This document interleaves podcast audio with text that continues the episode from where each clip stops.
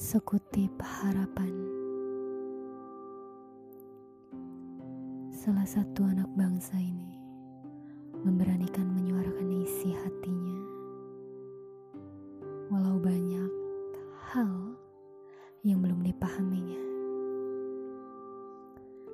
Tetapi Bukti demi bukti nyata ini Sudah menjadi saksi tombak ujung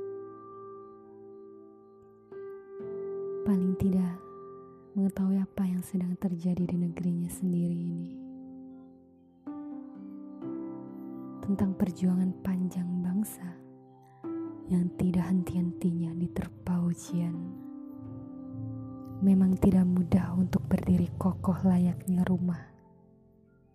Ya, ini rumah kita semua. Indonesia banyak raga dan jiwa yang rela mati-matian berjuang untuk menegakkan keadilan. Walau banyak pula segelintir pihak yang hitam demi melaraskan kekuasaannya dan mengesampingkan keadilan rakyatnya sendiri. Apakah ini yang disebut merdeka? Orang-orang besar yang mempunyai wewenang serta kekuasaan dengan seenaknya membuat permainannya sendiri.